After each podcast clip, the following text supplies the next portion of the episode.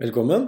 Vi skal i denne filmen se på hvordan vi kan gjøre om fra datatypen string til datatypen number. Det brukes veldig ofte når vi henter inn et tall fra en tekstboks, og da vil det være på tekstformat eller ha datatypen string. Men hvis vi da skal jobbe med det, f.eks. legge sammen to tall, så vil det være problematisk. Men da kan vi da gjøre om fra en tekst til et tall. Vi oppretter en variabel som vi kaller for tall 1. Og det tall 1 tenker vi oss at det er et tall vi har henta inn fra en tekstboks ute i et HTML-dokument. Og la oss si at brukeren har tasta inn tallet 3.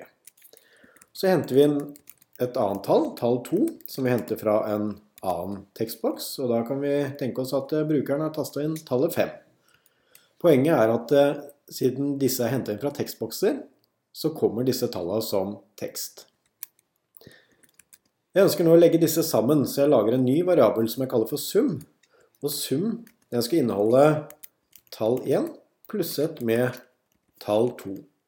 Og nå minner jeg om at eh, disse her er på formatet tekst. Det betyr at eh, datamaskinen ser på disse her som symbolet 3 og symbolet 5. Altså som en hvilken som helst annen bokstav. Så kan vi nå skrive ut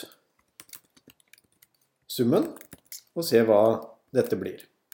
Hvis jeg lagrer, åpner nettleseren og laster inn sida på nytt, så ser vi at eh, eh, når man legger sammen to tekstelementer, så tar den det første, tre, og så deretter det andre. Så den har tatt egentlig bare satt ut symbolet, først symbolet 3 og så symbolet 5.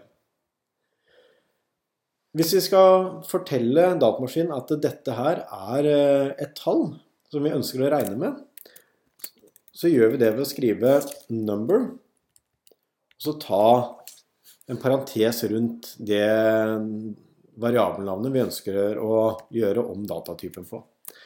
Så ved å skrive 'number' rundt tall 1 og tall 2 på denne måten her sånn, så forteller jeg nå at eh, tall 1 det er et tall, og tall 2 det er også et tall.